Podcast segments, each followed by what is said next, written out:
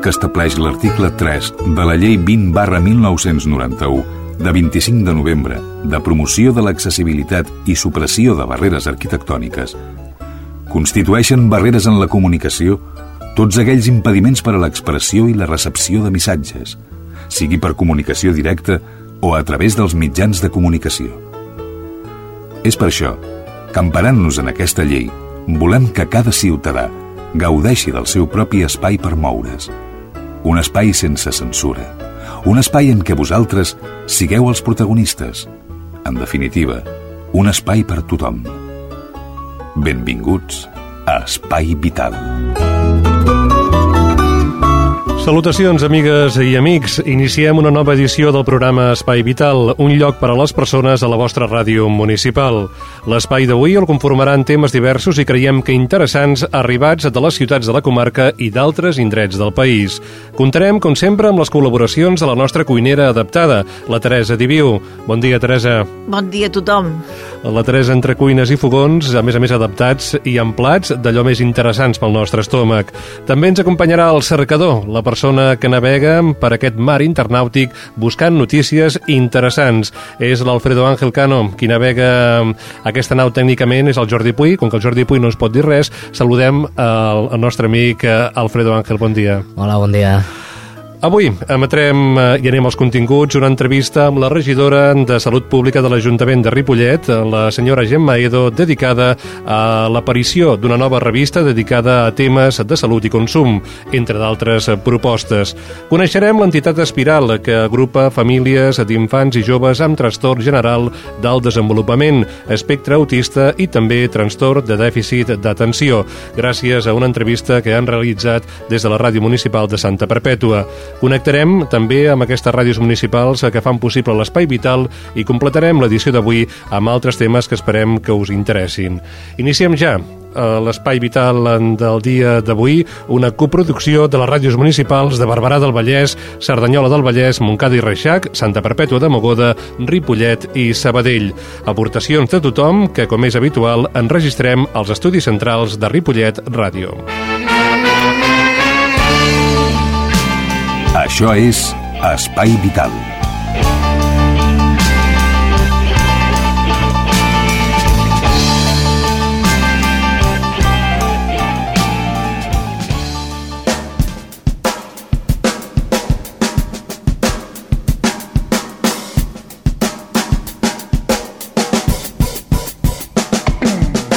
La regidoria de Salut Pública, Consum i Medi Ambient de l'Ajuntament de Ripollet ha editat una publicació, una nova revista que es diu Ripollet Més Salut, el primer número de la qual va aparèixer el passat mes de juny.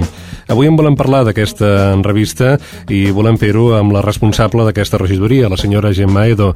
Senyora Edo, bon dia. Hola, bon dia una iniciativa doncs, que ve a cobrir algun buit que vostès havien detectat a la vida de Ripollet quan a informació de salut? A veure, el que nosaltres volíem, a part d'informar sobre temes de salut, és que la gent sàpiga de Ripollet quines són les seccions que toca el, la salut pública de Ripollet, a l'Ajuntament. Llavors, està basat sobretot en coses que nosaltres tractem des de l'Ajuntament i altres temes importants dedicats a la salut. En aquest primer número doncs, eh, va aparèixer abans de l'estiu, o tot just quan començava l'estiu eh, hi havia informació dedicada doncs, especialment a la calor i a atendre o saber què hem de fer si som víctimes de l'excessiva calor que acostuma a produir-se durant l'estiu. Eh, estan preparant ja vostès algun proper número dedicat a la tardor o a l'hivern, èpoques de fred, que convé doncs, que preparem d'alguna manera? A veure, s'està mirant de treballar un altre número. No és una cosa que sortirà molt periòdicament, sortirà quan es, quan es pugui, quan hi hagi informació grossa per donar. I, bueno, s'estan treballant diferents, uh, diferents opcions, diferents opcions de, de, de plagues o d'altres històries. És una, ja, ja us explicaré ben bé quan acabi de sortir. Molt bé. Uh, pel que fa a aquest primer número, el que apareixia el juny d'enguany, quina ha estat la resposta per part de la població? A veure, la gent, sobretot la gent de... ha estat ben receptiva.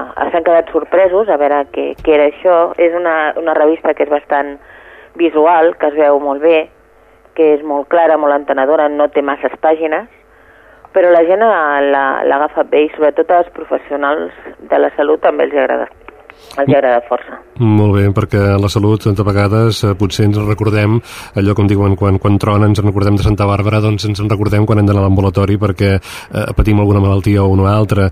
Però el que és important és fer divulgació suposo. Una mica l'objectiu d'aquesta publicació és que parlar de salut de temes eh, de benestar o, o de consum doncs pugui ser una cosa normal Sí, és una cosa que volem que sigui de lo més, lo més casolà que hi ha pel carrer, el que, lo que pots trobar, el, les diferències opcions, com per exemple parlar de, de la salut alimentària, parlar de, dels gossos, dels, de les dents, de la, de la prevenció, de, de tot el que és consum, de fer exercici. I, co, i com no, n'hem parlat també de lo que és eh, el tema estrella últimament, que és la nova grip, una miqueta d'informació. Molt bé, justament sobre això volia parlar amb vostè, senyora Edo, la nova grip, la grip A, eh, aquesta grip doncs, que ha arribat de sobte o està arribant progressivament i pràcticament cada dia és titular dels mitjans de comunicació. Eh, com es viu des d'un ajuntament com el de Ripollet eh, tota aquesta qüestió de la grip A? Home, doncs mira, es viu com es pot. no, no, no ben bé així, però bueno, és una mica...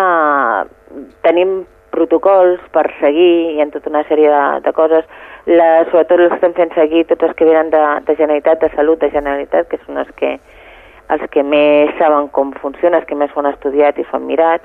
Ara suposo que ens explicaran un altre que faran, eh, ens explicaran el mes, de, el mes que ve, i eh, allà el, el pla territorial de, de salut i llavors nosaltres podrem posar en marxa algun altre tipus de pla.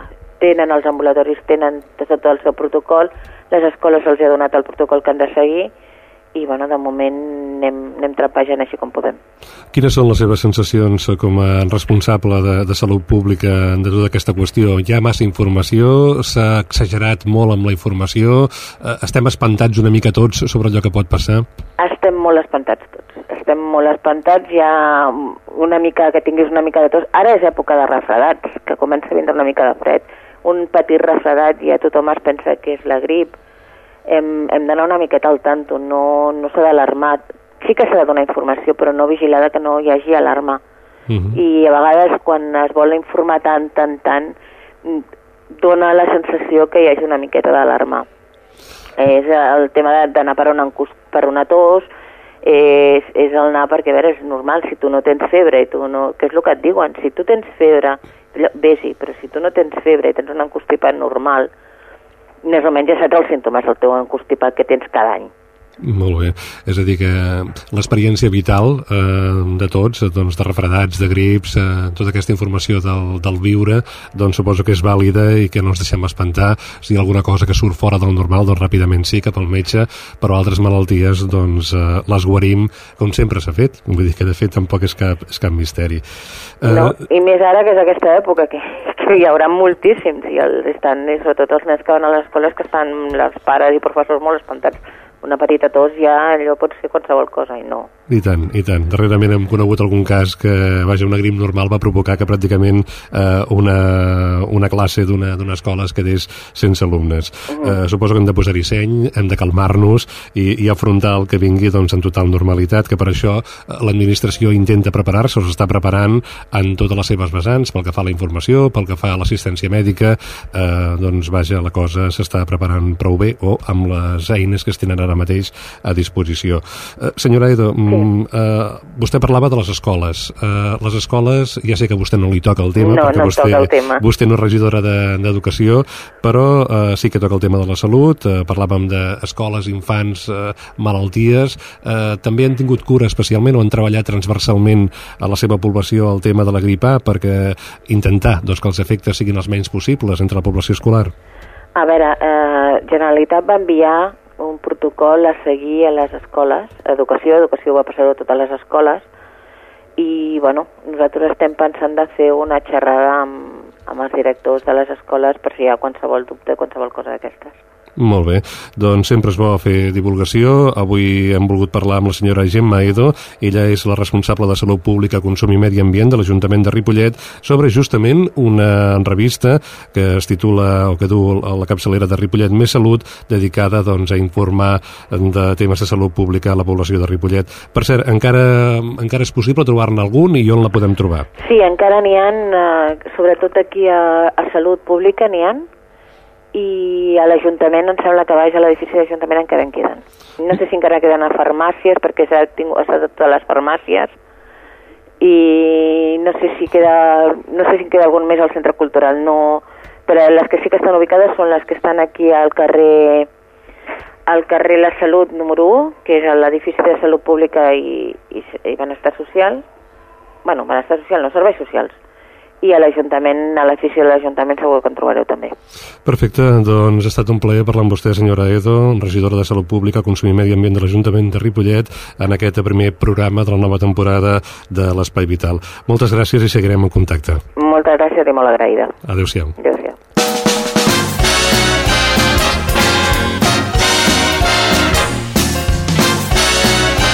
Espai Vital, el primer programa adaptat de les zones.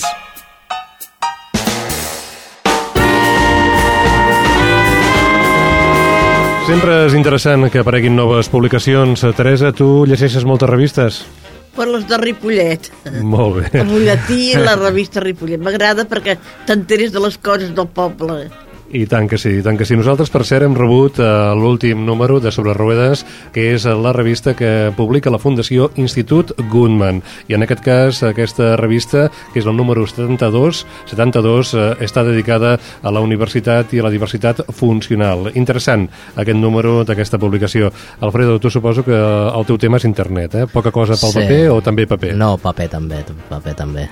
Molt bé, doncs anem combinant paper, internet i d'altres possibilitats de comunicar-nos i de rebre informació. Nosaltres el que farem a continuació serà saltar un altre tema i ho farem de la mà de l'Estrella Nú- Núñez.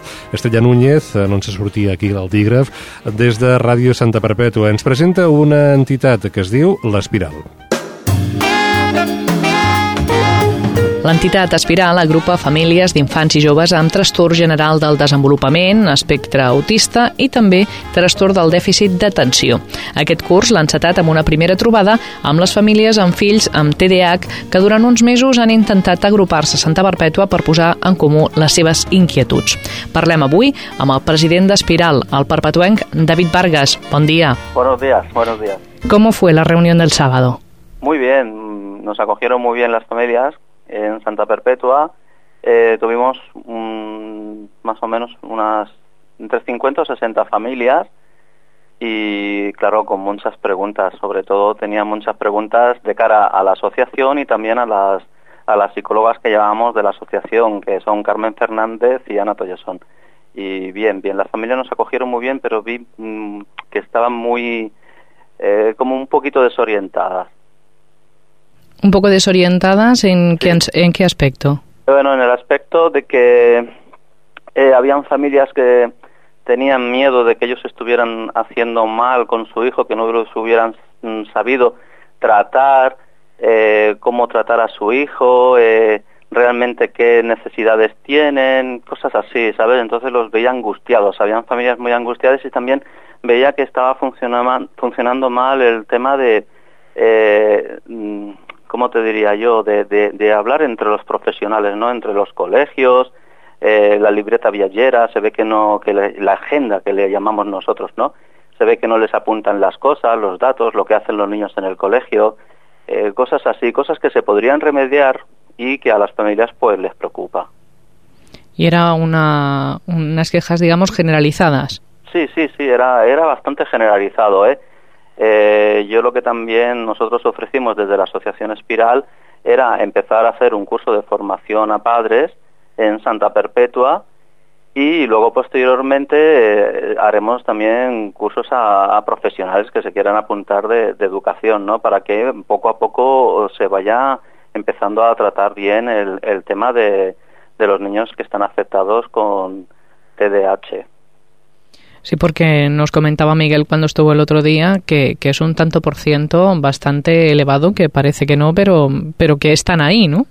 Sí, Sí, es que es, están, a ver, es, es como el autismo, o sea, el autismo decíamos que era uno de cada 150, pero aquí estos niños hay más y los que no, es, y claro, y, y más que encima no están diagnosticados, ¿sabes? Que a ver, que, que, que es preocupante. Es, eh, yo realmente salí de la reunión un poco alarmado, ¿no? Porque es como le comenté a Miguel, yo, yo no sé llevar muy bien este tema, que es Miguel quien se va a encargar de llevar todo el tema aquí en Santa Perpetua, pero nosotros nos dimos cuenta que, las familias sobre todo estaban muy angustiadas, eh, muy preocupadas, muy no sabían a quién poderse eh, poner en contacto, ¿no? Eh, o sea, entonces nuestra psicóloga se, se, les dijo bien, ¿no? Lo que tenían que hacer paso por paso y que se pusieran en contacto con un profesional eh, para empezar a tratar a estos niños. Dice que se comentaba que contra más pequeñitos se pueden tratar mejor, ¿sabes? O sea que es lo que yo vi, ¿no? Eh, un poco de desorientación entre las familias, entre el colegio, un poquito todo. Claro, en los colegios ten en cuenta que eh, tampoco los profesores, no sé, no están muy al kit, ¿no? De la cuestión con estos temas. Entonces nosotros queremos hacer eh, campañas de sensibilización también en Santa Perpetua y empezar a, hablar del tema que es bastante alarmante. Uh, recordemos que el TDA, que es el trastorno de déficit de atención, que como sí. nos explicó Miguel, puede ser con o sin hiperactividad, sí, sí, pero que claro, evidentemente eh, supone ciertos ciertos problemas como es lógico sí. a, a, estos a estos chavales. Miguel sí. nos comentaba que la idea partía de hacer también esta reunión para ver si todos uh, todas las familias querían formar parte de Espiral y así hacer una como decía él pues la unión hacía la fuerza. Que, cuál es la, la idea que surgió estuvieron de acuerdo con esta iniciativa pues mira, en principio sí, porque allí mismo empezaron a coger críticos de Espiral para hacerse socios de Espiral y tal, y dije, bueno, bueno, tranquilos que si no tenéis esto, no tenéis los datos, no os preocupéis, ya nos pondremos en contacto con todos vosotros, no pasa nada y tal. Además, eh, recordamos que Espiral, las primeras veces decíamos, bueno, vamos a ver por dónde empieza esta entidad y realmente estáis allí marcando y haciendo un montón de, de cursos y ahora también uh, estabais uh, buscando voluntarios. Sí, sí, sí, de hecho estamos buscando voluntarios porque, ver, tenemos varios proyectos en mente. Eh, un, un, proyecto de los que estamos empezando a trabajar es para hacer un respiro familiar, eh, porque todos sabemos la carga que tiene estar con un niño afectado con, con cualquier discapacidad y nosotros queremos proponer eh, montar un, un, un, respiro familiar. El proyecto se hará en Santa Perpetua eh, y seguramente que os lo mandaremos a los medios de comunicación entre esta semana o la semana que viene.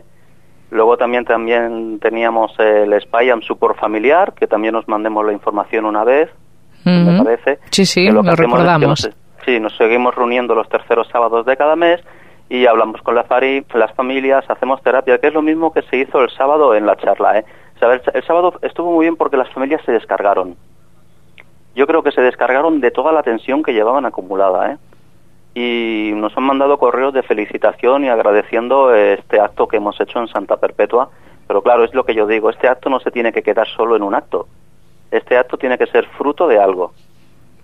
¿Me entiendes, no? Sí, y por eso ya estáis puesto manos a la obra en organizar claro. el curso sí. para familias. Sí, sí, en principio será un curso para familias. Eh, será un curso para familias con niños que tengan TDAH, como dice mi amigo Miguel. Luego también haremos otro curso para familias que tengan niños con, un, con TGD, trastorno del espectro autista, y luego iremos haciendo progresivamente cursos en Santa Perpetua, pero eh, eh, vamos a hacerlos que también acoja a todos los municipios colindantes, o sea, que no solamente sean para vecinos de Santa Perpetua, sino para eh, los municipios de, de colindantes de Sabadell, etc., etc., y esto es lo que estamos intentando trabajar. Y luego desde Espiral también ya estamos mirando en el porvenir de, de, los niños para el día de mañana empezar a trabajar también en un centro ocupacional en el municipio, porque también sabemos de las cadencias que hay en nuestro municipio. ¿Y esto del centro ocupacional cómo lo veis? ¿Se conseguirá algún día? A ver, yo estoy haciendo todo lo posible. Eh, me estoy poniendo en contacto con, con varios grupos municipales de, del municipio y yo creo que, que sí, aparte ya hay asociaciones que nos están empezando a apoyar. hay asociaciones como Adimir, la Asociación Discapacitados de Moncada, que, nos, eh, que vienen este sábado con nosotros aquí a la Marcha Mundial por la Paz, que nos apoyan y que sí, que sí, que dicen que, vamos a intentar tirarlo todo para adelante. Porque pensamos que, a ver, yo pienso que los niños no tienen que salir de su municipio para tener sus servicios. Es, tenemos que montar los servicios donde viven los niños o los adultos, que es en su municipio pues veremos a ver qué es lo que da de sí. Esperemos que vaya bien ¿eh? y que y, que dentro de poco nos podáis decir, oye, pues mira, el curso mm, para familias tiene tal fecha, eh, este otro curso tiene otra fecha y el centro de, de formación ocupacional también tiene fecha. Sí, el centro ocupacional yo mm, pienso que tiene que estar más cogido a través del ayuntamiento. Creo que mm. tiene que ser el ayuntamiento quien empiece a poner forma a todo esto, eh, igual que se creó hace ocho o nueve meses la moción calidad de vida para las personas discapacitadas de Santa Perpetua, empezar el ayuntamiento a crear unas bases, eh, empezar todos los grupos municipales y todas las asociaciones que quieran entrar a empezar a trabajar por estos críos y por estos futuros adultos. Pues David Vargas, presidente de Espiral, muchas gracias por atender la llamada de Radio Santa Perpetua. Muchas gracias a ti por llamarme siempre.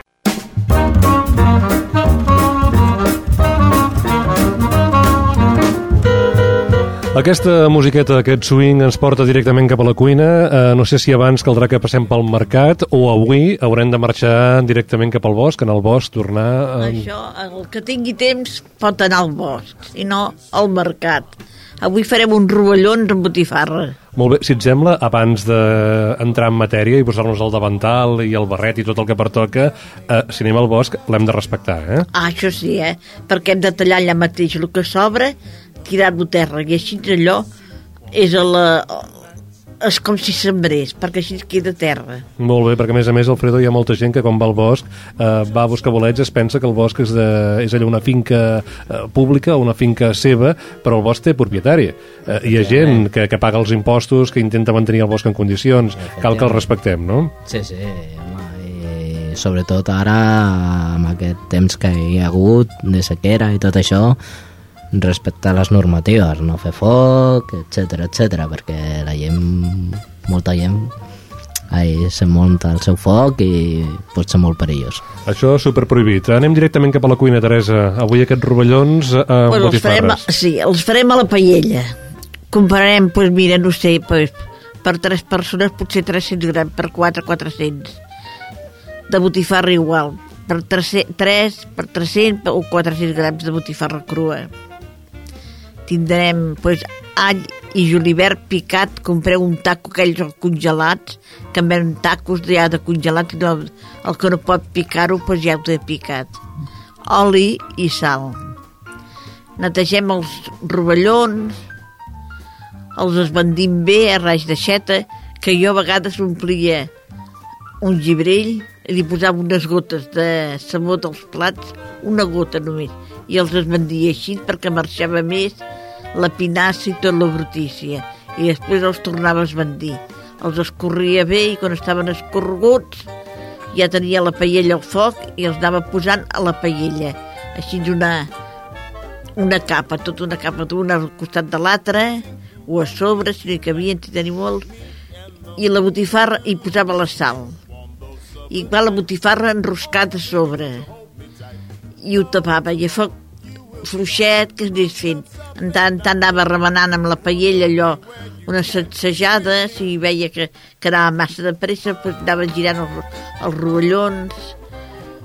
Al cap de, pues, de mitja hora obria la tapadora, si veia que la botifarra ja estava blanca i inflada, la punxava amb un punxó i en quant deixa anar tot el suc i es barreja el suc de la botifarra amb els rovellons. I i tirava després el julivert i l'all picat per sobre i un rajolí de conyac perquè així ens ajuda més també a matar aquell sabor que n'hi ha que no els agrada el sabor de, del rovelló, doncs mata una mica el sabor i també queda més suc a la, a la paella per sucar després el pa. Déu nhi déu a un ja li fa salivera escoltar les Oi. explicacions de la Teresa. Molt bé. Aquí s'agafa salivera sempre que me ara. molt bé, un plat interessant i que no és molt difícil de fer. No. no és molt difícil. Uh -huh. I a més a més, eh, vaja, dona prou bon resultat perquè aquí a Catalunya som terra de gent a qui ens agrada menjar bolets.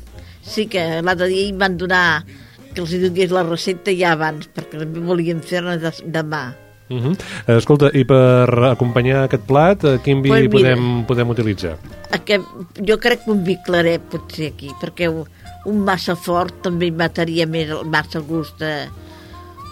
O, o un rosat o un blanc, jo trobo que aniria bé aquí. Ben, ben fresquet. Jo crec que sí. I, i pa per sucari o no? Oh, pa, clar, un pa de pagès sucar allà i tant, el que em pugui menjar. Molt bé, perquè de vegades eh, potser avui en dia ja no ens en recordem de la cuina d'abans o de com menjava la gent si d'abans. veieu que no n'hi ha prou, doncs feu un, plat d'arròs bullit a davant que us, que, que us doni, perquè n'hi ha persona que necessita dos plats. Però jo crec que amb això n'hi ha prou però mi si n'hi ha més un platet d'arròs bullit a davant no costa gaire fer un arròs bullit Escolta, i si els rovellons que tenim o els que hem trobat al bosc eh, són petits, eh, aquests petits eh, els Pues- hem de posar a la paella o hem de fer una conserva? Fer-los en vinagre, per exemple. No, en vinagre no m'havia fet mai. Jo els havia fet, pues, no sé, els feia bullits, una miqueta... No, bullits no, fregits. És que ja no me'n recordo. Jo havia fet, els havia guardat en un pot i, i se me'n guardaven per tot l'any. Doncs mira, són deures que et posem, perquè ara que entrem en temporada de bolets, eh, ens portaves, eh, o ens portes avui aquesta recepta interessant dels Sí. bolets amb botifarra, però potser, si tu trobes, eh, podíem fer altres eh, receptes. Això sí. Per exemple, com conservar els bolets. Hi ha molta Com gent conser- que, Sí, clar, perquè- que aniran al bosc, en trobaran molts, i tots d'una sentada no te'ls pots menjar. No, perquè mira, jo sé que els posava en un pot i el pot el posava en vallmaria. Ah, això mateix. I em sembla que aquesta era la manera que s'aguantaven. Doncs mira, mm, deures per la setmana vinent, si et sembla. Eh? No bé. val mirar Caçador de bolets, eh? Ah, Un programa interessant. Nosaltres marxem a continuació cap a les eh, emissores de la comarca per saber, que, per saber què és el que ens expliquen, quines notícies han estat interessants vinculades al contingut, a l'essència d'aquest programa. Estàs escoltant Espai Vital.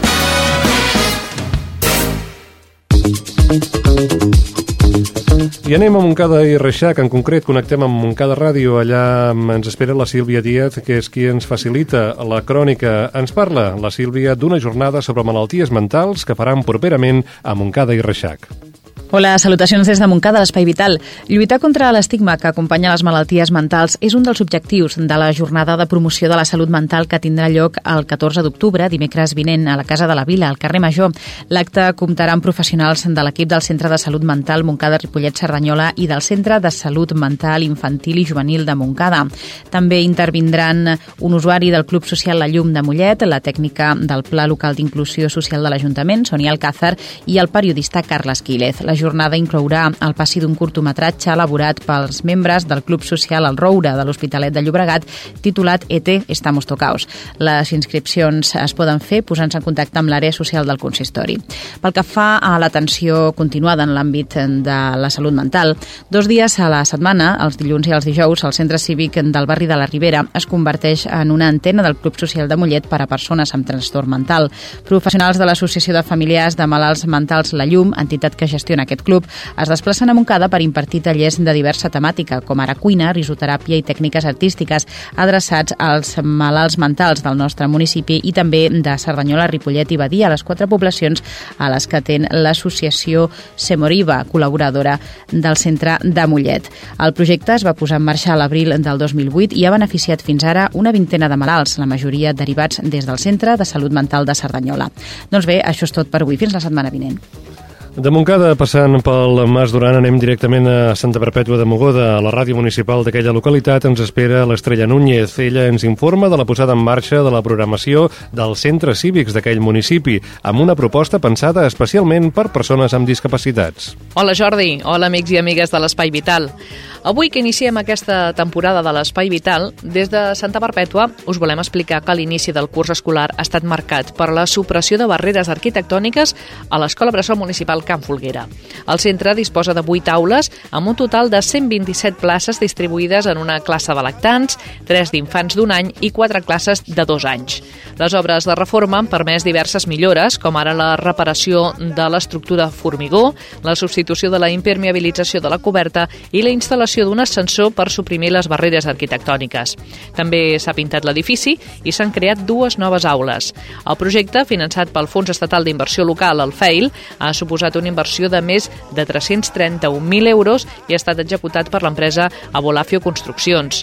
Les obres s'han dut a terme durant els mesos de vacances d'estiu. L'Escola Bressol Municipal Can Folguera és la més antiga de les tres amb què compta l'Ajuntament de Santa Perpètua. Des d'aquest setembre, els alumnes i les seves famílies poden accedir a les dependències de l'escola amb total normalitat, ja que la instal·lació de l'ascensor ha eliminat les barreres arquitectòniques d'aquest centre educatiu. Això és tot des de Santa Perpètua, Jordi. Fins la setmana vinent. Adeu. Fem drecera des de Santa Perpètua i anem cap a Cerdanyola, agafem la P7, B30 i a Cerdanyola, en concret a Cerdanyola Ràdio, ens espera Mònica González. Ens explica que entitats d'aquella ciutat s'han consorciat per organitzar una nova edició del Festival Despullet. Molt bon dia, Jordi. Avui, des de Cerdanyola Ràdio, us expliquem que veu Sense Fronteres, amb la col·laboració d'altres entitats de caire social, com l'Associació de Persones Amigues de mossèn Rossell, l'Església Evangèlica Baptista de Cerdanyola, Càritas Parroquial i Creu Roja, organitzen un any més el Festival Despullat. Serà el proper 31 d'octubre, com dèiem, organitzat per Veus Sense Fronteres, amb l'objectiu de sensibilitzar la població sobre la lluita contra la fama cerdanyola i alhora donar un impuls al centre d'acollida menjador i reforçar el funcionament dels bancs d'aliments de la ciutat. El president de Veu Sense Fronteres, Jordi Félez, explica que tot i que hi haurà un rebost solidari, la finalitat del festival no és recaptar diners ni aliments, sinó sensibilitzar sobre el tema. Félez explica que s'ha signat un conveni de col·laboració amb diverses entitats locals per dur a terme l'activitat. Així hi participaran l'Associació de Persones Amigues de mossèn Rossell, l'Església Evangèlica Baptista, Càritas Parroquial i Creu Roja. El festival es farà a la pista coberta anexa al pavelló de Can Xarau, coneguda com la Boina, el dia 31 d'octubre durant tot el dia. Allà s'hi podrà veure un rebost artístic muntat per la Marucci Beaumont.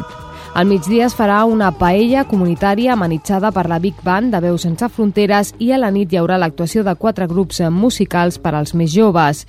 D'altra banda, des del dia 13 i fins al 17 es portaran a terme les jornades de recaptació d'aliments a tot Catalunya per tal de sensibilitzar la ciutadania en la recollida d'aliments perquè, segons asseguren, el banc d'aliments està quedant sense existències per poder distribuir a Càritas i els menjadors socials.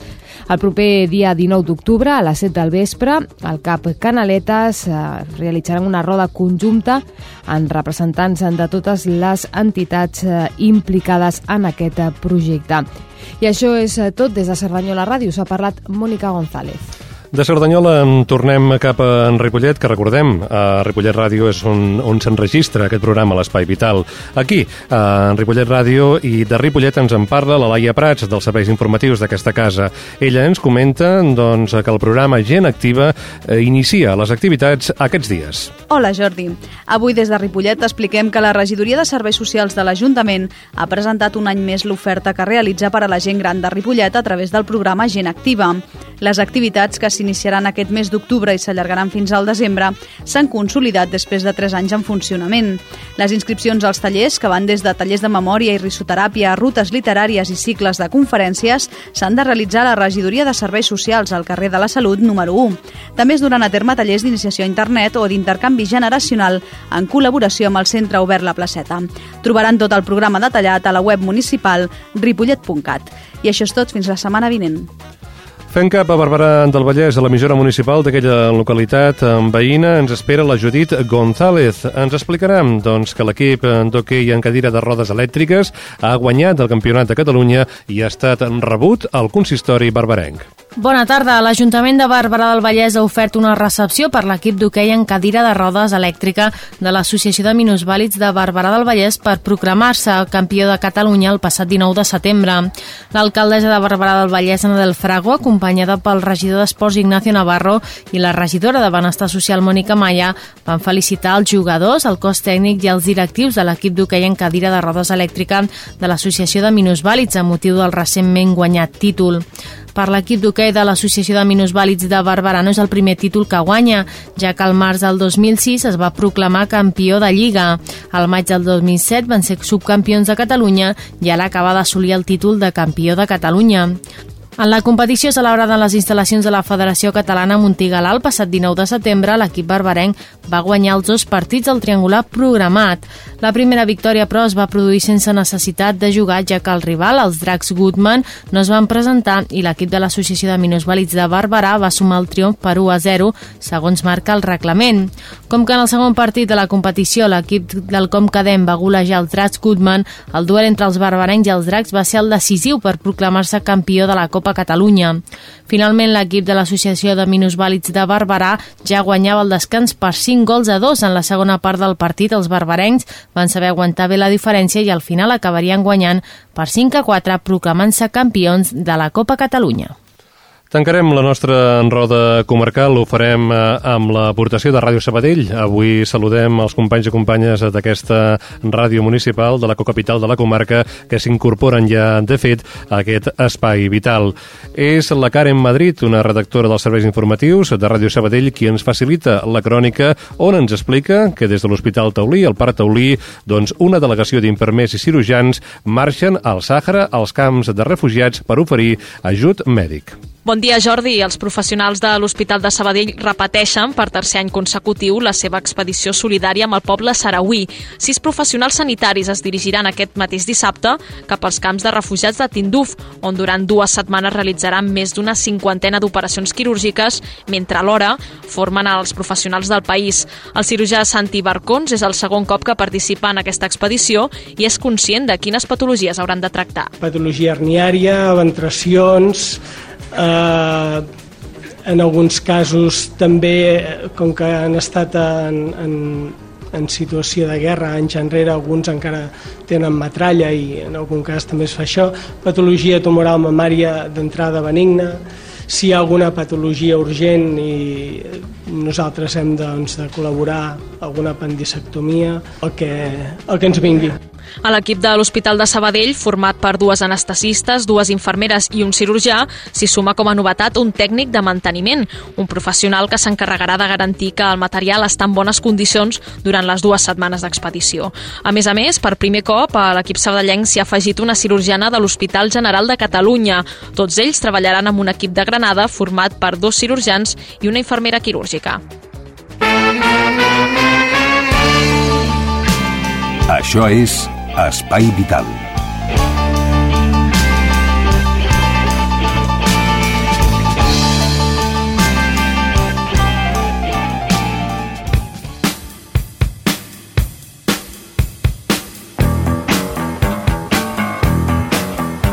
La sintonia del nostre cercador, l'Alfredo Àngel Cano, doncs, que ha estat cercant informació i ho ha fet al blog de l'Espai Vital. També també és un home de gust divers i variat i no només cerca el blog d'Espai Vital.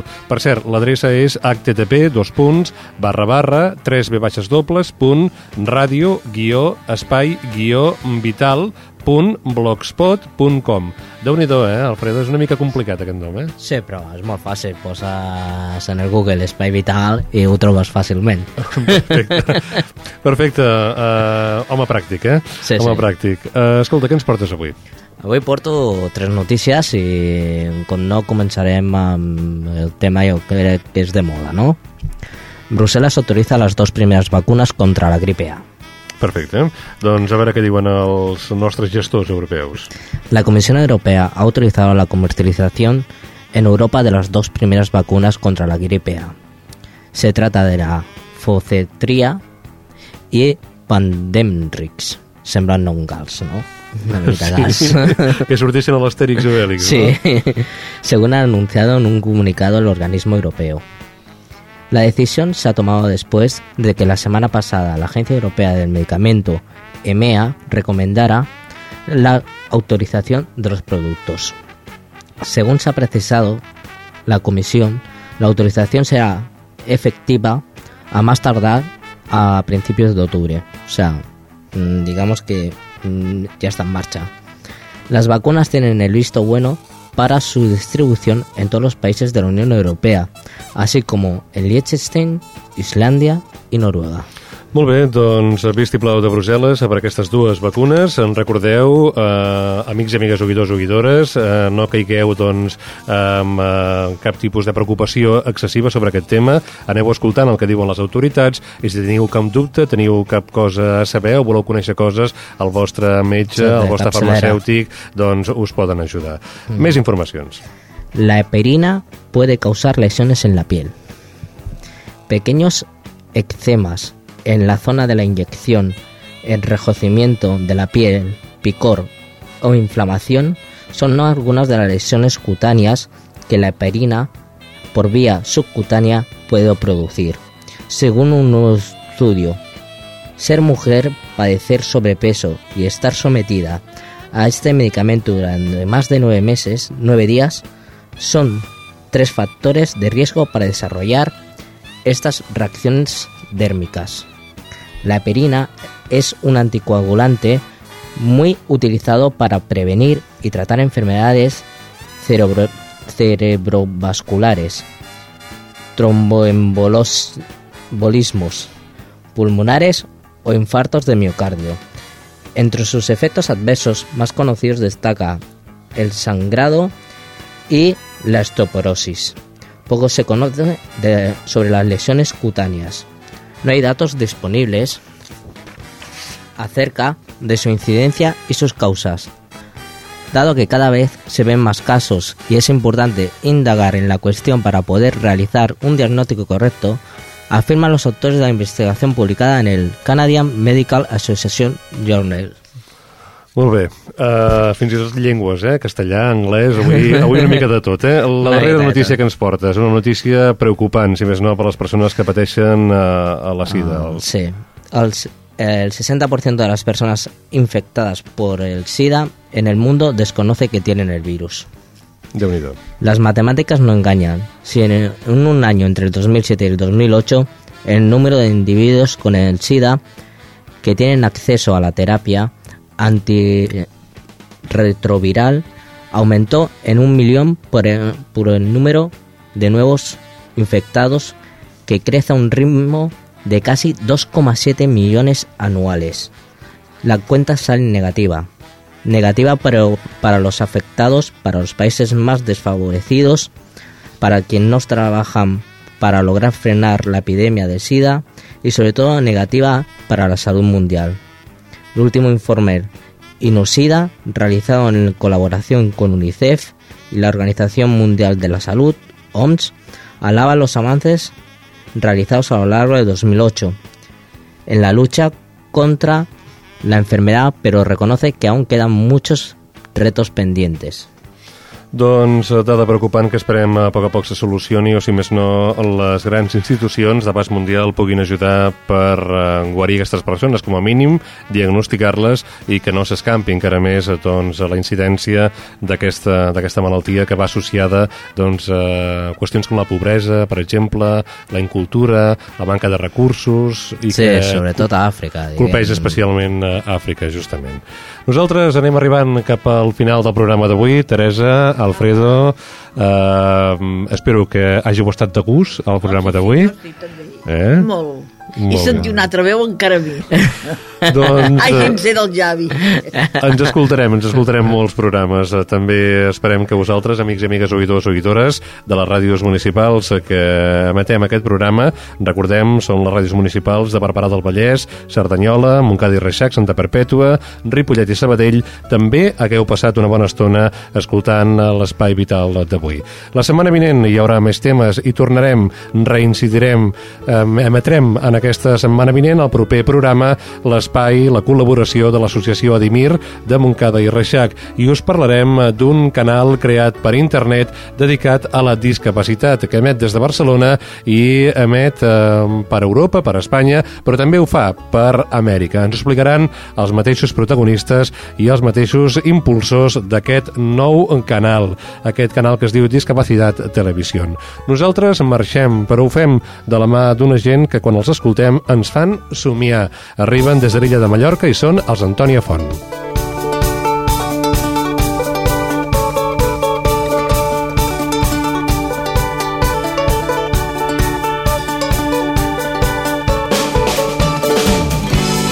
travessant Esteliu caminant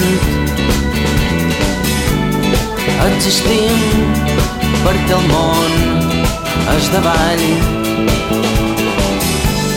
Ja tenim els millors elefants.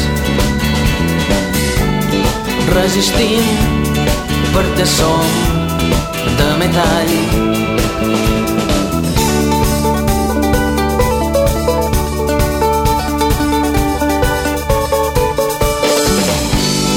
Desvestit, rebassat, s'amistat.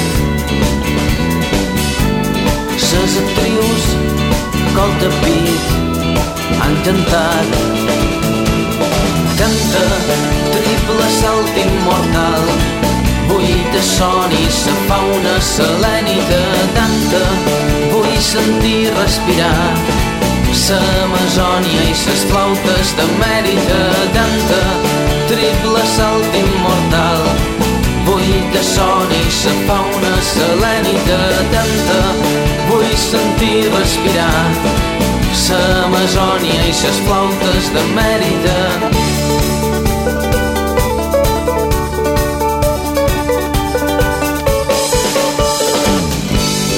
travessant Esteliu caminant existim perquè el món és davall ja tenim els millors elefants. Resistim perquè som de metall. Canta triple salt immortal. Vull son i sa fauna selènica. Tanta Vull sentir respirar S'Amazònia i ses flautes mèrita tanta Triple salt immortal. Vull son i sa fauna selènica tanta Vull sentir respirar. S'Amazònia i ses flautes mèrita tanta Triple salt immortal. Vull de son i sa fauna selènica tanta Vull sentir respirar l'Amazònia i les plantes d'Amèrica.